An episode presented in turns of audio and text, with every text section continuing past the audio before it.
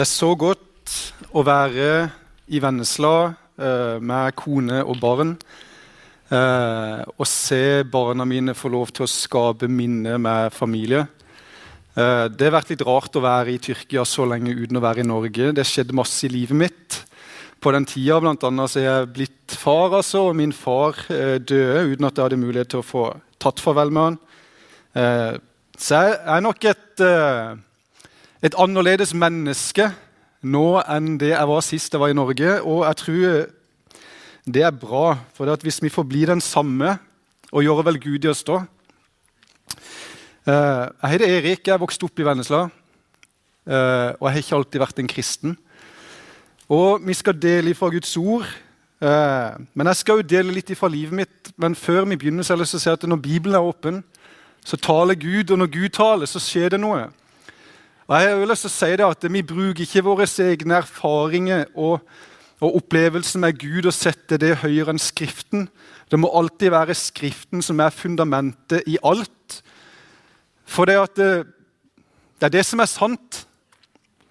Så alt vi sier og gjør, må bygge på Skriften. og Derfor så sier jeg at om noe jeg skal dele med deg, ikke stemmer med Skriften, så må du gi beskjed til meg. Men jeg tror jeg skal klare å holde meg innenfor. I begynnelsen var Ordet, og Ordet var hos Gud.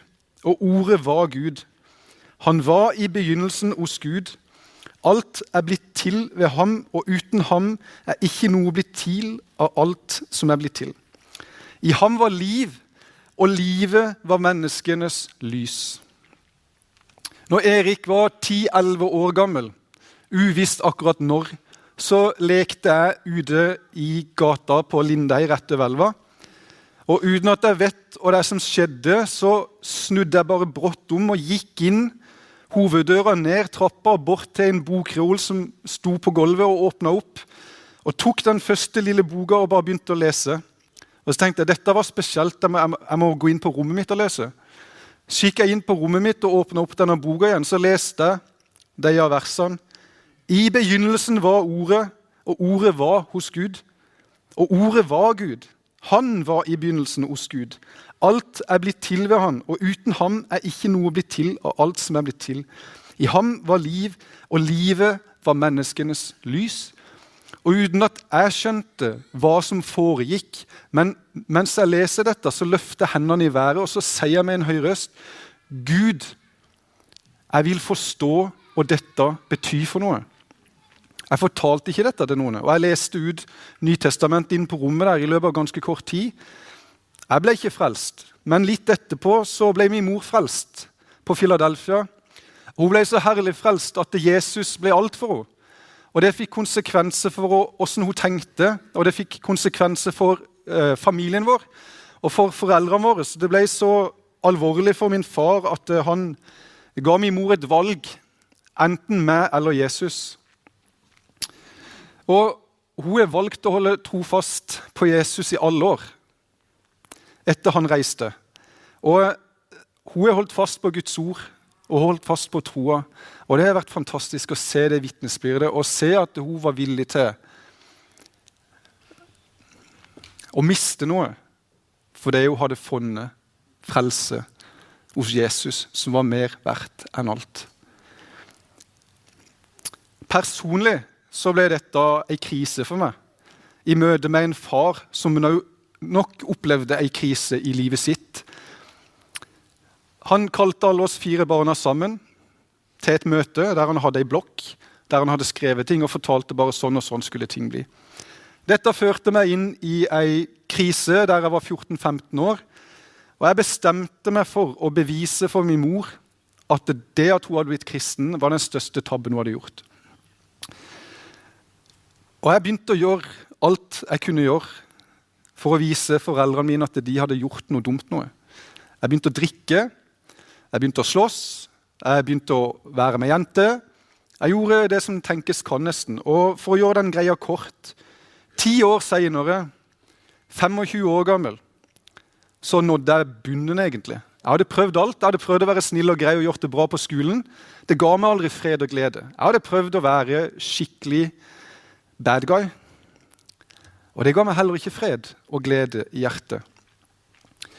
Og i en begravelse i Øvrebø kirke, der min fetter, som var like gammel som meg, ble lagt til hvile, så møtte Jesus meg på en veldig finurlig måte. Jeg knakk fullstendig sammen og bare hiksta og grein. Men på veggen foran meg så, så jeg Jesus henge på et kors. Og når jeg så Jesus henge på det korset, så ble jeg fylt med en fred som gikk ifra topp og gjennom hele kroppen. Og Etterpå så, så kikker jeg meg vekk, og så begynner jeg bare å hulke og grine. Så jeg ble sittende og se på Jesus hele begravelsen. Jeg husker ingenting hva som ble sagt eller, og, og ble gjort. Men den freden som kom, det gjorde noe med meg. For jeg hadde vært så rastløs og så urolig. Jeg var nevrotisk syk og, og, brukte amfetamin og hasj og alt mulig. og Det eneste jeg venta på, var egentlig bare på å få ruse meg igjen. Jeg var så sliten og så utkjørt. og så jeg hadde ikke lyst til å dø, men jeg hadde ikke noe å leve for. Og der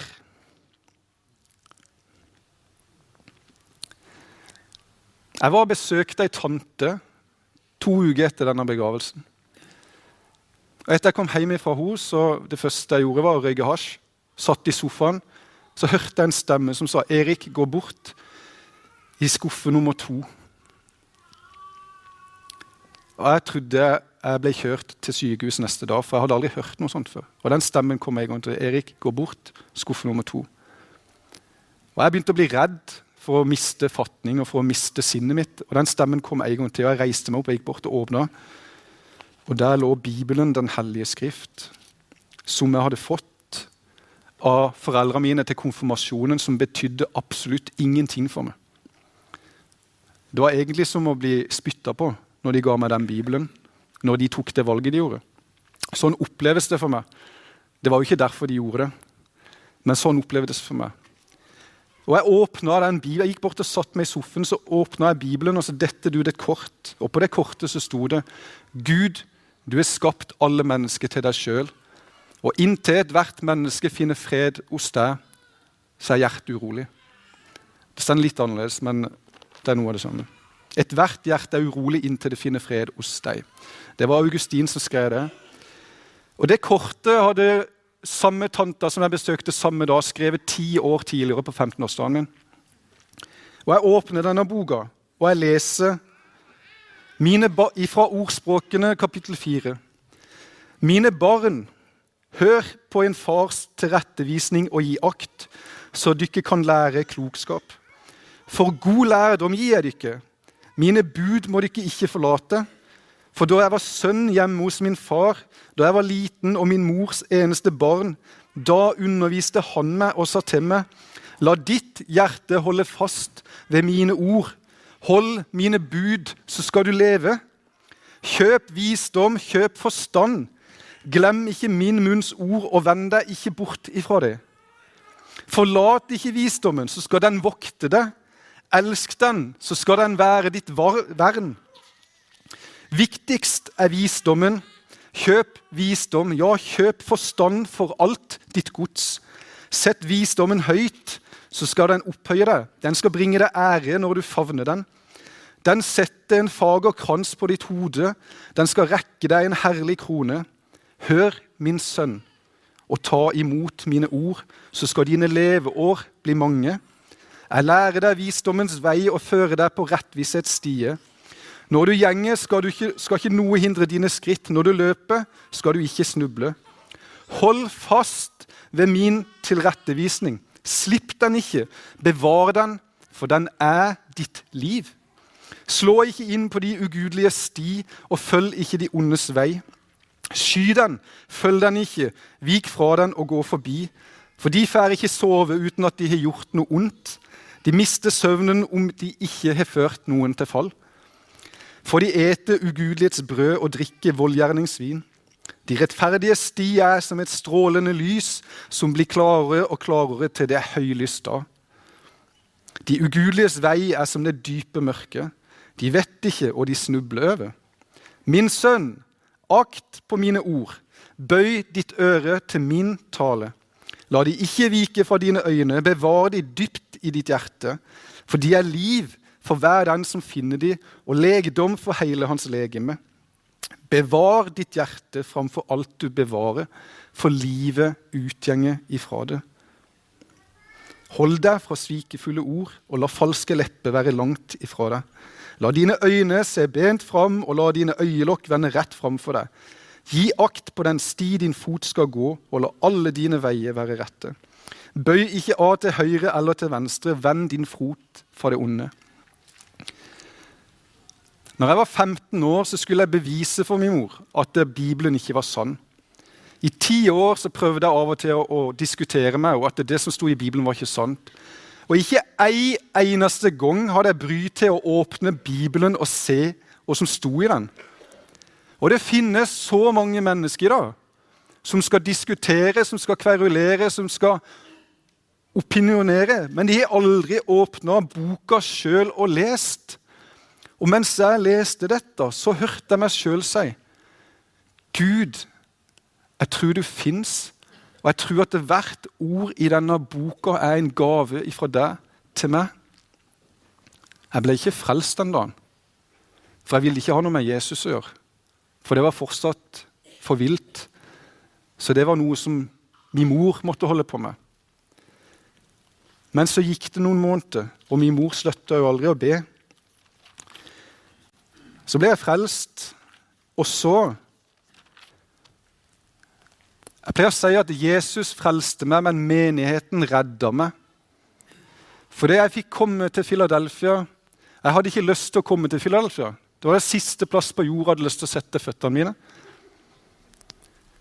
Men så hadde min søster født en gutt og skulle ha barnevelsignelse. Og jeg kom og jeg satt nedi der cirka som Marit sier det nå. Og det var Ole Olsen som talte. Og han talte Guds ord. Og Jeg husker ingenting av det han sa.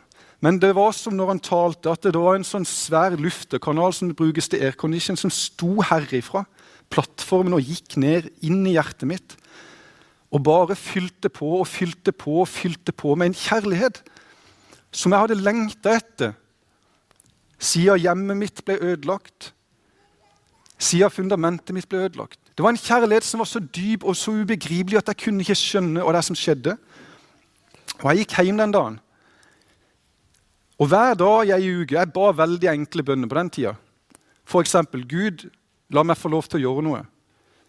Så ringer det plutselig to gutter på døra. 'Hei, jeg har lyst til å spille fotball.' Og Det begynte vi med. Og det tok helt av. Og jeg tror noen av de gutta sitter her i dag. Uh, og det er, det er faktisk uh, det er sånn Gud er. Men jeg hadde bønnesvar hver dag.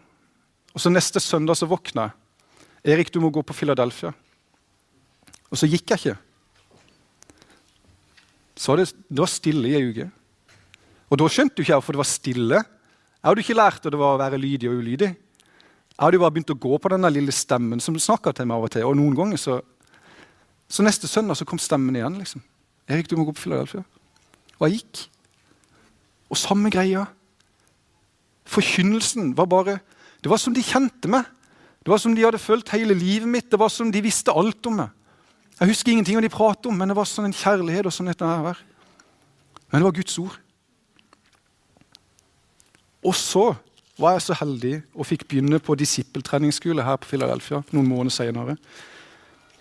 Og for meg som Jeg var så ødelagt at jeg gikk til psykolog og prøvde å få, få ting på plass. Og alt mulig.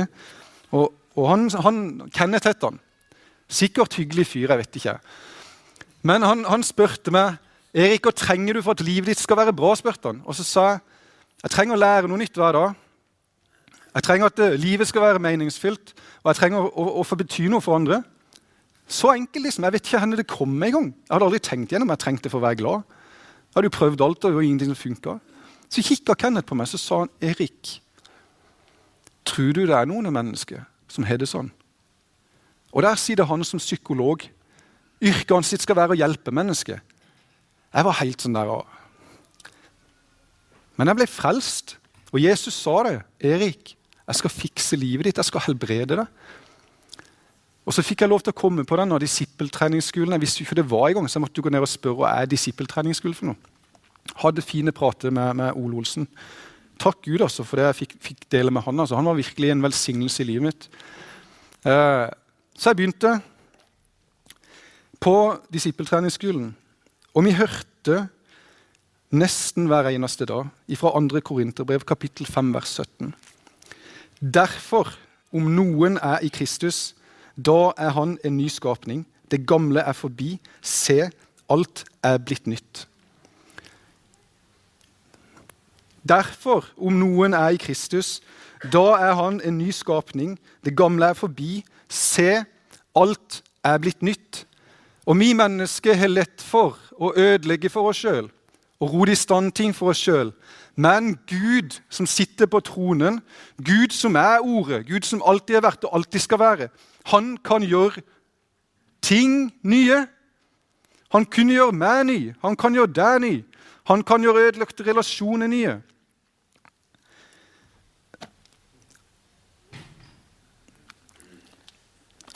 Jeg skal være personlig og dele litt om det vanskeligste forholdet jeg har hatt til et annet menneske. Det er min far, Gunnar Stordal. Jeg elsker den mannen. Jeg mener, jeg kjenner jeg kan si det av hele mitt hjerte at jeg elsker han. Og jeg er så takknemlig til Gud for at han var min far mens han levde. Og du vet Noen mennesker liker ikke å prate om det som er gått galt. Og han var en sånn en. Men jeg har likevel funnet ut noen ting om livet hans sitt som gjør at det... ja, Han opplevde at faren døde når han var ganske ung. Han så sin egen eh, bror bli kjørt i hjel av en lastebil mens de akte. Eh, han opplevde å få en alkoholisert stefar og masse ting. Eh, psykiske problemer hjemme og alt mulig. Og så ble han pappa til fire barn, og så gikk ekteskapet i stykker. Så er det ulike grunner til hvorfor sånne ting skjer. Men i hvert fall så Min far var så ødelagt av det livet som hadde kommet imot han, at han hadde ikke mulighet til å vise meg kjærlighet og omsorg. Eh, faktisk ifra jeg var 15 år og inntil han døde, så ringte han meg én gang. Og det var for å fortelle meg at eh, jeg hadde sagt at jeg ikke ville ha noe med han å gjøre når jeg var 15 år og ødelagt og skuffa. Vi møttes og prata, og jeg trodde vi gjorde opp med hverandre. For jeg sa det, pappa, du burde ha visst det annerledes. For det var du som var voksen, det var meg som var gutten. Men jeg tilgir deg fordi du er min far, og jeg ønsker å ha en relasjon med deg. Ja, men det, det får bli sånn som du vil, da, sa han. Og Da var jeg 25 år, og etterpå det så har jeg ringt han og tatt kontakt med han, prata med han. Han har aldri klart å stille meg et spørsmål. 'Erik, åssen har du det? Åssen gjenger det?' Og han har ikke likt at jeg har vært en del av Philadelphia, og han har ikke likt det jeg holder på med. Fordi jeg har vært knytta til Philadelphia. Og det er forståelig. Jeg klarer å se det i dag. Og jeg har lyst til å si at uh, det å bli pappa sjøl, det gjør noe med deg. Det vet jo alle dere som er blitt foreldre. Til, de, til alle dere som ikke er blitt foreldre ennå. Jeg husker når en forkynner sa det, at uh, det er noen ting de ikke kan forstå før de er blitt foreldre sjøl. Så tenkte jeg ja, ja, vi kan jo egentlig lære gjennom det. Men uh, det er så vilt og plutselig få et barn i hendene som kommer ifra Gud, og som han har planer for og tanker med og ønsker for. Så like før min far døde, uten noe kommunikasjon, så står jeg med, med eldstegutten min Jonathan i hendene. Og i et blink så så jeg holde min egen far som et spedbarn i hendene mine. Og mens jeg sto og kikka på han, så så jeg livet hans sitt bare spinne gjennom tankene mine. Og så tenkte jeg hvis min sønn Jonathan skal leve det livet som min far gjorde, så blir mitt hjerte knust. Og der, i det øyeblikket i stua mi i Mersien, så var det et eller annet som bare Gud tok vekk. Noe som hadde ligget jeg mener livet var fantastisk, men det var likevel en ting dypt nede inni der som fortsatt holdt fast. Og der slapp alt sammen taket. Og jeg hadde én bønn etter dette fra min far. Gud, la Gunnar få oppleve at du blir hans sin far. La han få oppleve at han blir frelst og født på ny og får en pappa før han reiser herifra. Og det tror jeg han gjorde. Takk, Jesus, for det. Der sitter Oddvar. Bjørnar òg. Vet ikke om du husker det, gang, men jeg var nyfrelst, og så kom jeg fram etter et møte og sto her. Så begynte han å tale i tunge. Og Det var egentlig første gang jeg hadde hørt noe sånt. Og jeg tenkte nei, det er dette de snakker om. Oppi veggene og tapetene og gardinene og alt det tunge talet. Nå, nå begynner galskapen, tenkte jeg. Men så Han sto og ba i tunge, men det var voldsomt for meg. Han har jo ganske kraftig stemme òg når han setter i gang. Eh, men mens han ba, da, så det var, det var, det var et eller annet jeg tenkte det, det, her er ikke bra. Men så plutselig så begynner han å, å, å be i norsk rett etterpå. Og så sier han da at Erik, dette med din far skal du bare la ligge hos meg.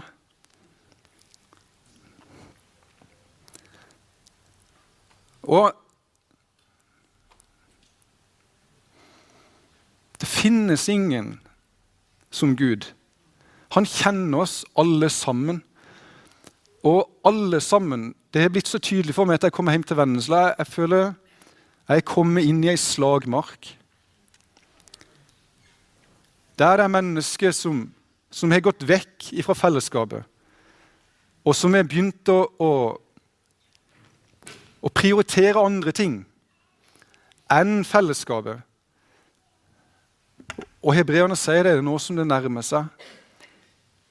Så la oss holde oss i fellesskapet. Vær forsiktig. Og jeg ser det når jeg går ute. Og det gjør vondt. Men tenk hvor vondt det må være for Gud, da, som ser hver og en av oss som dette lille barnet. Og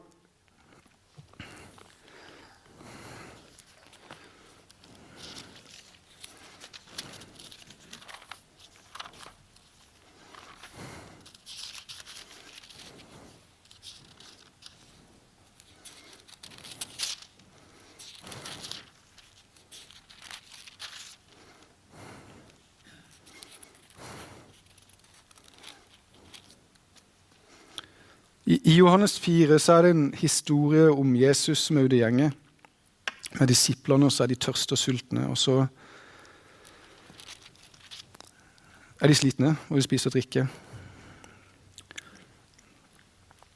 Og så begynner Jesus en samtale med denne dama. Og så sier han Kjente du Guds gave, og visste du hvem det er som sier til deg, gi meg drikke, så hadde du bedt han, og han ville gi deg levende vann. Kvinnen sier til ham, 'Herre, du har ikke noe å dra opp vann med, og brønnen er dyp. Hvor har du det levende vann fra?' Du er da vel ikke større enn vår far Jakob, som ga oss brønnen og sjøl drakk av den, og likeså hans sønner og buskapen hans. sin. Jesus svarte og sa til henne, Hver den som drikker dette vannet, blir tørst igjen. Men den som drikker av det vann jeg vil gi han, skal aldri i evighet tørste. Men det vann jeg vil gi han, blir i ham, en kilde med vann som veller fram til evig tid.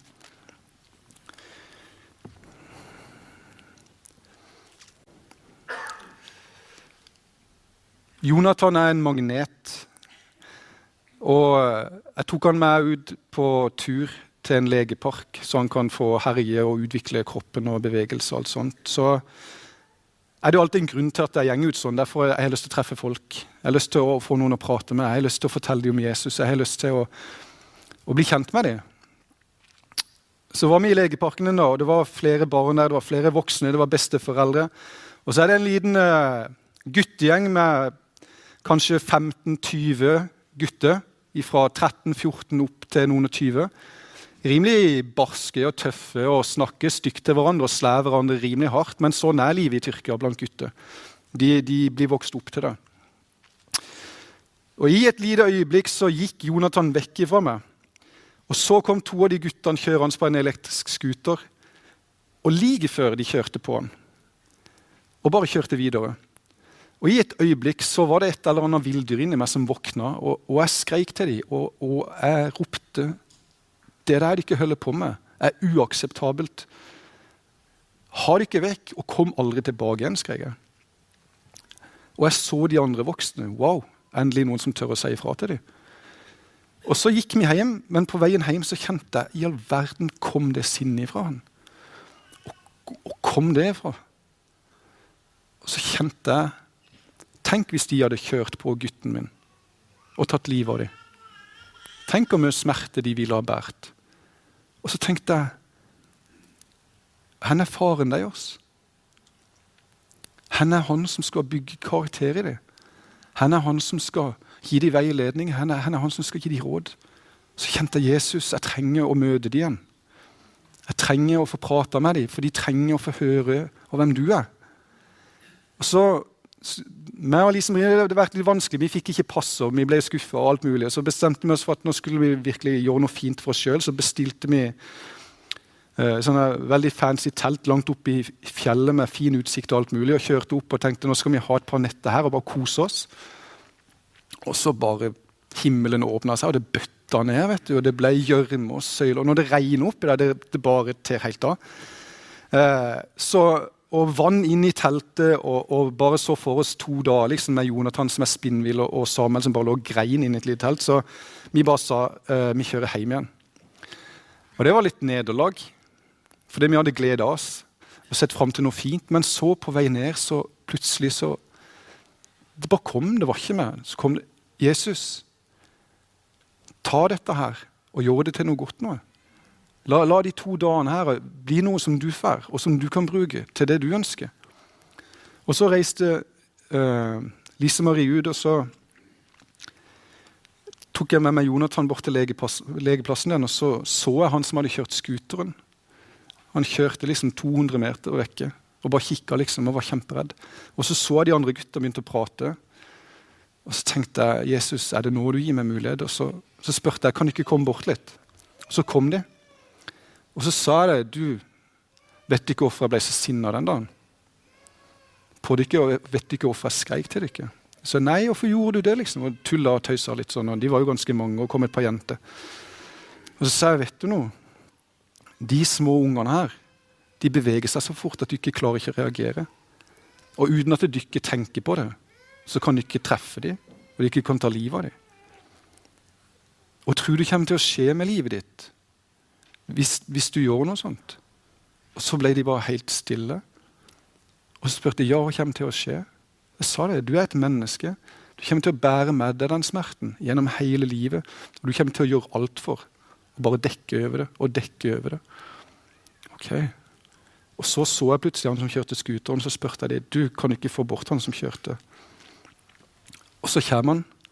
Og så stilen, vet du. Jeg kjente meg igjen nesten. og jeg var Stilen vet du, det er bare sånn Yeah, I'm the man.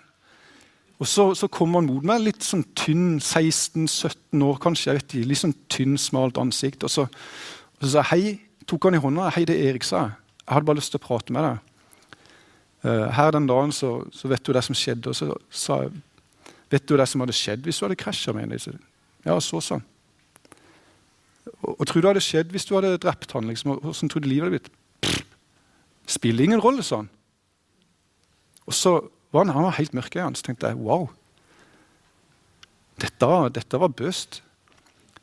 Og så, og så sa henne men du er et menneske, og du vil kjenne smerte hvis du gjør dette. Jeg er ikke et menneske, sa han.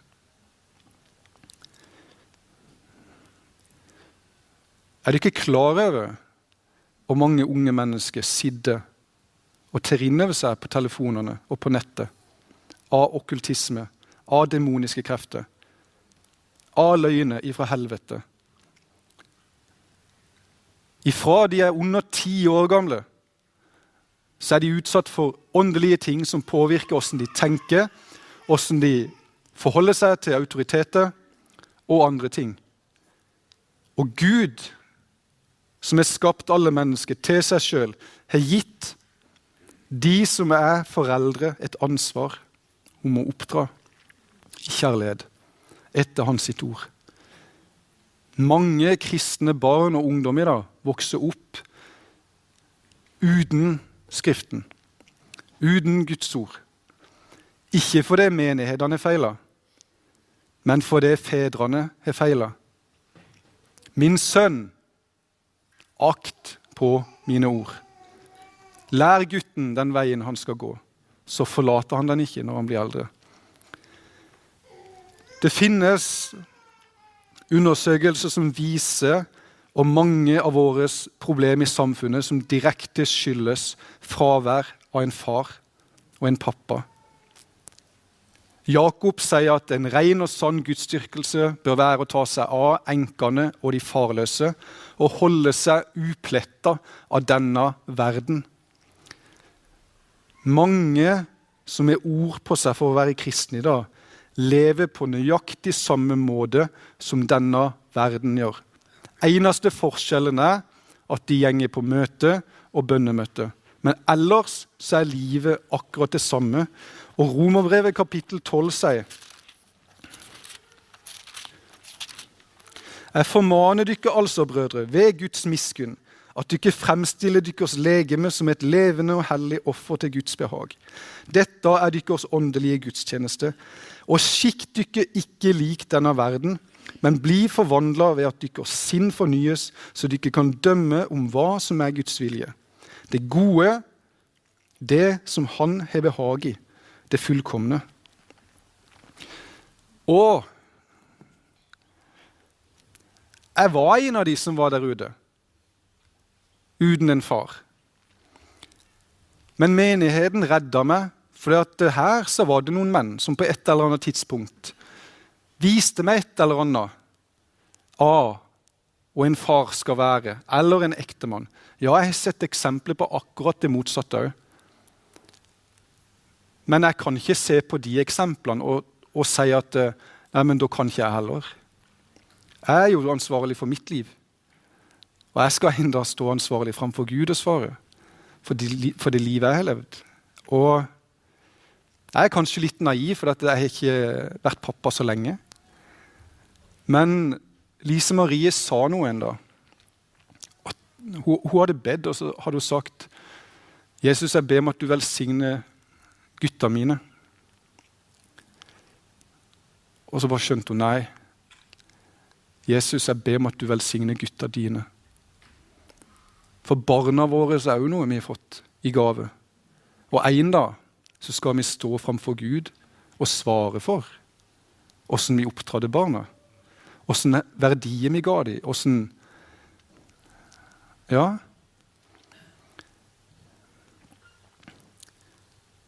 Hvis du sender barnet ditt inn i en vanlig offentlig skole i dag og lærer det Og hvis du sender barnet ditt inn i en offentlig skole i dag, og du vet at de blir lært ting som er imot Guds ord, og gjør du med det, Velger du å forholde deg taus fordi du er ikke tid, eller velger du å gå inn i kampen fordi det er barna dine? Og du skal i hvert fall slåss for det, fordi det er dine. For det er ingen andre som kommer til å slåss for det. Hvis ikke du som far kan reise deg opp og fighte for dine egne barn, så må du be om at Gud sender noen andre. For det er ingen som gjør det automatisk.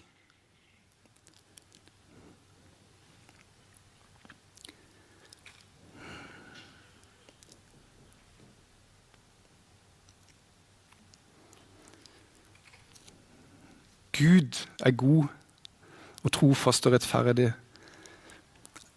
Dette ble en veldig annerledes tale enn det jeg hadde tenkt.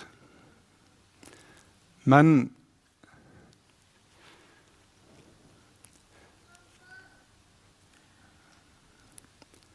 Paulus sier at kjærlighet til penger har gjort at mange har fart vill ifra troa. Og I Johannes' åpenbaring er det noe med denne første kjærligheten. Så er det lignelsen om han som fant denne skatten som gikk og kitta seg med alt annet. Fordi han fant noe som var så mye bedre. Og Gud Gud lever. Og Gud virker der vi våger å gå ut og være lys i mørket.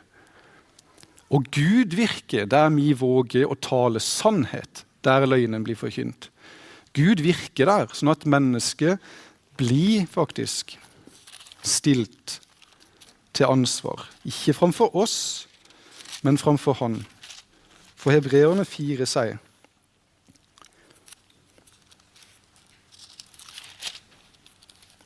For Guds ord er levende og virksomt og skarpere enn noe tveegget sverd. Det trenger gjennom helt til det kløver sjel og ånd, ledd og marg, og dømmer hjertets tanke og råd.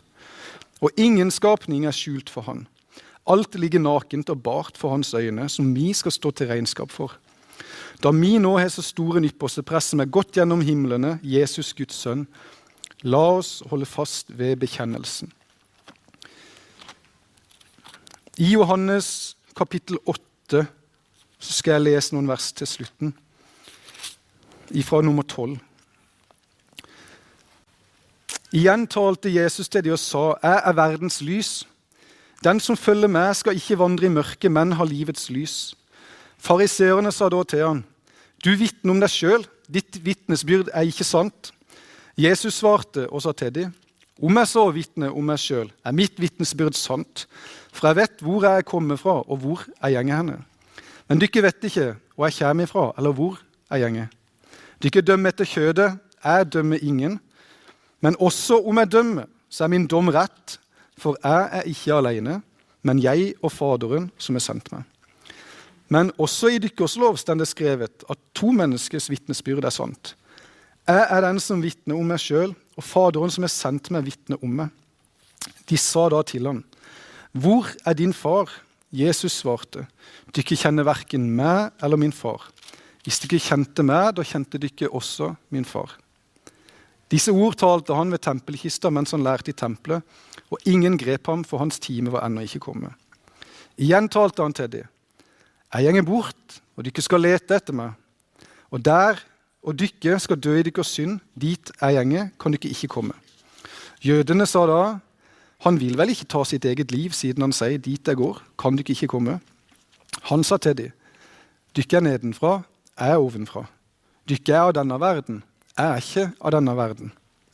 Derfor sa jeg til dere at dere skal dø i deres synder. For dersom dere ikke tror at det er den jeg er, skal dere dø i deres synder. De sa da til han, 'Hvem er du?' Jesus sa til dem, 'Nettopp det jeg sier dere, er jeg. Mange til å si og dømme om dere, men han som er sendt meg, er sandru, og det jeg har hørt av han, det taler jeg til verden. De skjønte ikke at det var om Faderen han talte til dem. Jesus sa, 'Når dere får opphøya menneskesønnen, da skal dere forstå at det er den jeg er.' 'Og av meg sjøl gjør jeg ingenting, men sånn som Faderen har lært meg, sånn taler jeg til dere.' Han som har sendt meg, er med meg. Han har ikke latt meg bli alene, for jeg gjør alltid det som er til behag for han. Når han talte dette, da var det mange som kom til tro på han. Han som har sendt meg, er med meg. Han har ikke latt meg bli alene, for jeg gjør alltid det som er til behag for han. Når Jesus talte dette, var det mange som kom til tro på han. Vi har det mest attraktive budskapet å komme med i hele verden. Ikke bare er det attraktivt, det er frigjørende. Det er Guds vilje. Det er rent, det er hellig, det gir fred, det gir glede, det gir selvkontroll, det gir vennlighet. Alt som verden skriker etter og lengter etter, finnes i Han. Og alt det de leter etter, er av denne verden, og det kan ikke ha noe med Gud å gjøre. Vi kan leve i denne verden, men vi må først være i Han. Og når vi er i Han, og når vi ser hva Han gjør, og når vi hører Han si og gjør det Han gjør, så stender det at mennesker skal komme til De kom til tro når de hørte Jesus gjøre det Faderen sier. Det er ikke så vanskelig. Men de kommer ikke inn her. Jeg kommer ikke inn her. Hadde ikke lyst til inn her. De vet ikke hva som skjer her inne. Det kan godt være mange som er vokst opp i kristne hjem og i kristne familier. Mange andre og i mange andre menigheter kommer her til for nå er forkynnelsen så bra her, og det er så tydelig fokus på det. Og det trengs det i denne tida. Men mange av de som er ødelagte, de kommer ikke her. For det at mange av de som er her inne, ser altfor perfekte ut. Og jeg vet jo det, jeg har jo vært her inne nå, det er ingen her inne som er perfekte. Men jeg vet det at det finnes en haug av folk ute i bygda som trenger at noen av dere er der ute. Jeg har sett det hver dag jeg har vært ute og labba. Det, det er som det er som kildevel som er tørka ut, som bare stender der, som hjorten lengter etter vann. De bare lengter etter noen skal komme. Jeg gikk forbi en en dag. Jeg har kjent han i mange mange år. Jeg sa det til han at jeg sa det. Det er ikke dette du er, sa jeg. Du er så mye å gi til mennesker. Jeg husker hvem han var før alt gikk i kjelleren. Han var så snill med folk. Og med unge. Han var så flink. Og han fikk folk til å ha det gøy. Jeg sa det til han, det er det du er. Han begynte bare å grine og måtte gå. De, de, er så tørste etter godhet, etter omsorg, etter kjærlighet. De trenger en pappa, de trenger en storebror, de trenger en søster, de trenger en mor. Gud velsigne denne menigheten, for denne menigheten har vært med på å, å redde så mange mennesker. Og, og hvem som starta for nesten 100 år siden. Hun tenker hvor ufattelig Gud er. Som begynner med noen enkle sjeler. Som bare er tent i brann. Kjærlighet for bygda og for folket. Vi må, vi må, gjøre noe i denne bygda, vi må forandre denne bygda, vi må forandre dette området. Jeg tror at Philadelphia skal være til velsignelse langt ut forbi bygda. Jesus, jeg takker deg for du kom inn i mørket. Du er menneskets lys, og du kom inn i mørket for å gi liv og overflod av liv. Takk for at alt er av deg, til deg, for deg. Ja, I deg lever vi, beveger oss og er til. For det du har gitt oss nåde.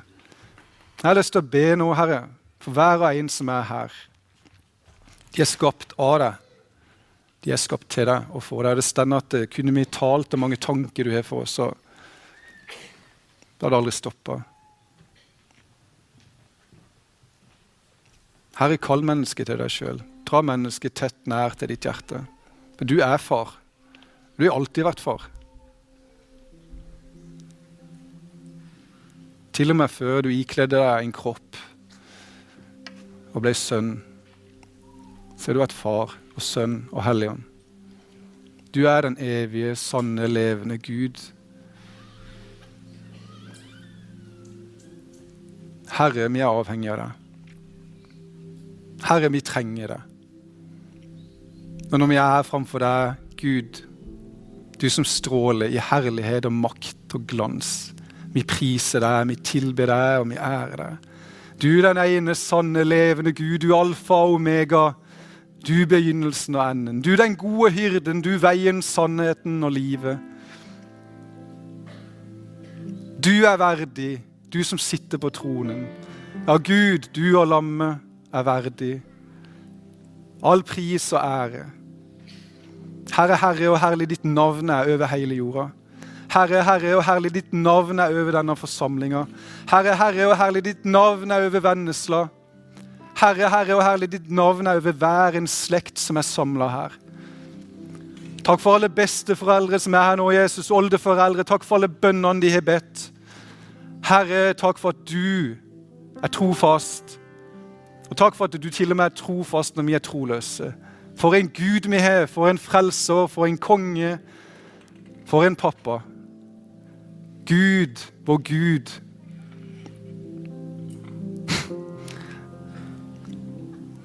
Vi ber, Fader vår, du som er i himmelen. La ditt navn holdes hellig. La ditt rike komme. La din vilje skje på jorda som i himmelen. Gi oss i dag vårt daglige brød, og forlat oss vår skyld, sånn som vi forlater våre skyldnere. Og led oss ikke inn i fristelse, men frels oss fra den onde. For riket er ditt og makten og æren i evighet. Amen. Amen.